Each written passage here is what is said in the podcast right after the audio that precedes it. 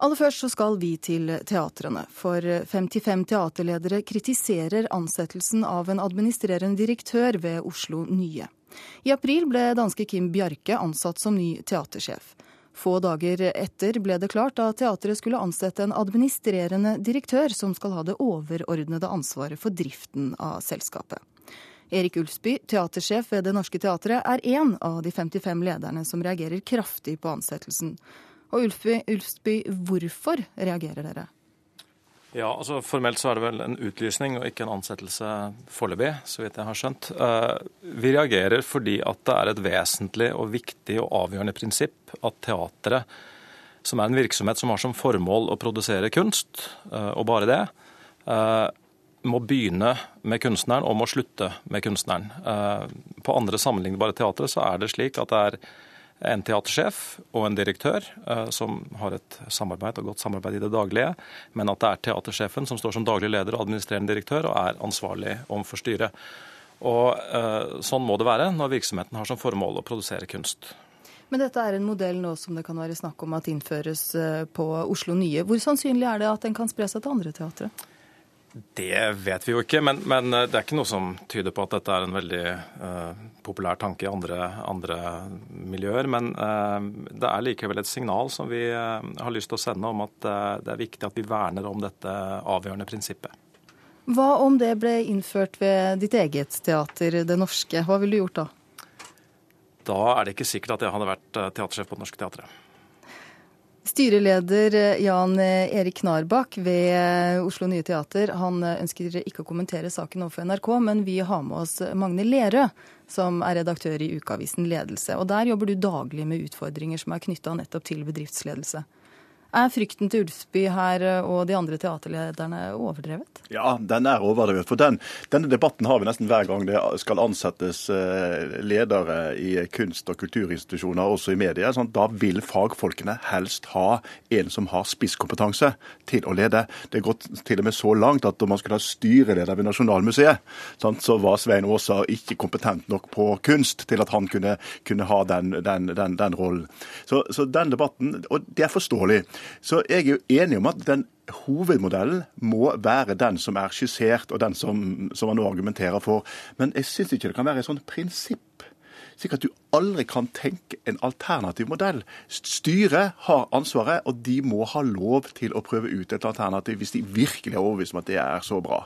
Men, men, hva er så bra, da? Hva er fordelen ved å ha en administrerende direktør på, som toppsjef? ved ja, altså, Teater er jo en vanskelig økonomisk situasjon. Styret analyserer situasjonen sånn at det er behov for eh, en årvåkenhet, kanskje gjøre ting med struktur. De ønsker å ha inn et profesjonelt styringsøkonomiblikk, som de, eh, som, som de, og de gjerne vil ha en øverste leder som, som har den kompetansen. Altså en, en, en høyere kompetanse på det området enn teatersjefer vanligvis har.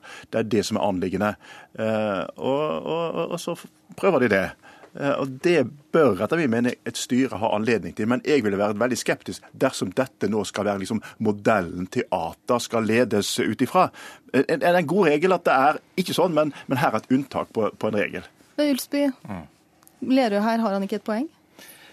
Jo, men det, det, er kanskje greit å oppklare litt hvordan det er i dag. for Det kan være noen misforståelser her. Det er ikke slik at teatret ikke ser at man har behov for den kompetansen. Teaterne, også Oslo Nye Teater, har jo i dag en direktør. Ikke sant? Sånn at, og Mange teatre har det også slik at, at både direktør og teatersjef rapporterer til styret.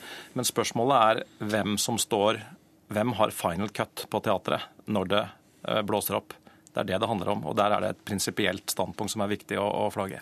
Men det, men det, å ha en økonomisk ledelse som styrer toppen, er ikke det, er ikke det bra? Det er klart det er bra å ha en økonomisk ledelse, og det har alle teatre. Sånn at eh, De fleste teatre i dag styres veldig godt og fornuftig økonomisk. Det er ikke det det er snakk om. Spørsmålet er om det skal være det siste ordet. Ja, altså, Jeg forstår at du, du, argumenterer for normalen. Eh, men, men jeg, jeg, kan ikke si at du skal være så dogmatisk og si at det er et prinsipp. Det, er liksom, det kan aldri gjøres på en annen måte. Den diskusjonen har vi også når det gjelder ledelse av, eh, av eh, Den norske opera. Der er det også noen som er skeptisk, fordi at det er noe som ligger over det kunstneriske ansvarlige, selv om, selv om sjefen der også har ganske god peiling på kultur. Så, så, så, så Den diskusjonen pågår hele tiden, og vi gjør et for stort nummer av det hvis man argumenterer fullstendig prinsipielt, sånn som man gjør her. Ulsby? Ja, altså Operaen er jo eh, en annen skål. Det er eh, også noe som vi presiserer i teksten, at både Operaen og, og Kilden i Kristiansand er andre konstruksjoner hvor det er flere kunstarter med ulike kunstneriske ledere. slik at Der er den modellen legitim på en helt annen måte, sånn som vi ser det. Men, men, eh, men i forhold til dette med aldri unntak, så kan du si at det som, det som teaterledere da, jeg understreker at Det er ikke bare teatersjefen, men det er også direktørene ved teaterne som har vært opptatt av å verne om dette prinsippet. Det er at når ledelse blir for tøft, så egner ikke kunstneren seg som leder. Det er det signalet som Oslo Nye sender. Nei, men Det er jo ikke det man sier. men et styre til at hva tror vi er det beste nå? De ønsker på en måte å prøve ut den tenkningen. Og når du først aksepterer ikke sant, at ved Operaen og ved Kilden sant, så, så, må du ha litt andre modeller. Sant, så stakkars da balletten. Sant, de får jo aldri oppleve det at det er virkelig en sånn ballettekspert som leder de. Så, derfor så går det an å finne gode løsninger. Men det, forut, det er veldig krevende i forhold til den som, den som nå skal ansettes her som direktør. Han må være usedvanlig klok og forstand på kultur, slik at du kan bygge et team her. slik at sikkert alle sier at dette var faktisk ikke dumt allikevel. Det, det er jo det styret håper på her. Men, men, det å bygge team det høres ut som en eh, fornuftig modell her. Men, men, mener du nå egentlig at det er et slags tegn i tiden at kunsten må vike for økonomisk styring, eller hva er det du tenker? Nei, altså For det første så vil jeg understreke at teaterne allerede har team, gode team mellom teatersjef og direktør. Her kan man jo også stille spørsmål ved hvor fornuftig det er uh, i et teater som har en presset økonomi, å ansette enda en toppleder på toppen av de to som sitter der fra før av. Uh, det er jo et annet spørsmål. Uh, men, men altså det, det, handler egentlig om at altså, er det slik at når det blir for tøft, så må kunstneren vike for økonomen? Sånn er det ikke. Teaterhistorien er full av teatersjefer som har tatt og vist ansvar også når det blåser, også når det blåser mer enn det gjør på Oslo Nye Teater nå. Men jeg tror ikke det er dette styrets intensjon å si noe om at ikke de er fornøyd med teatersjefer generelt. Og det blir heller ikke riktig å si at nå setter man pengene over kunsten. Altså alle pengene går da med til kunst ved disse teaterne eller disse kulturinstitusjonene. Det, det, det, det, det er sånn som det var innledningsvis her. Ja, det, det, det, ligger litt, jo, men det er, det er litt sånn det argumenteres. Det argumenteres akkurat det samme i diskusjonen på sykehusene nå. Ja, for nå tenker man for mye på penger og, og for lite på pasientene. Men så alle pengene går med til formålet, uansett hvordan du har det. Det er spørsmålet som hvordan i en aktuell situasjon organiserer man det best.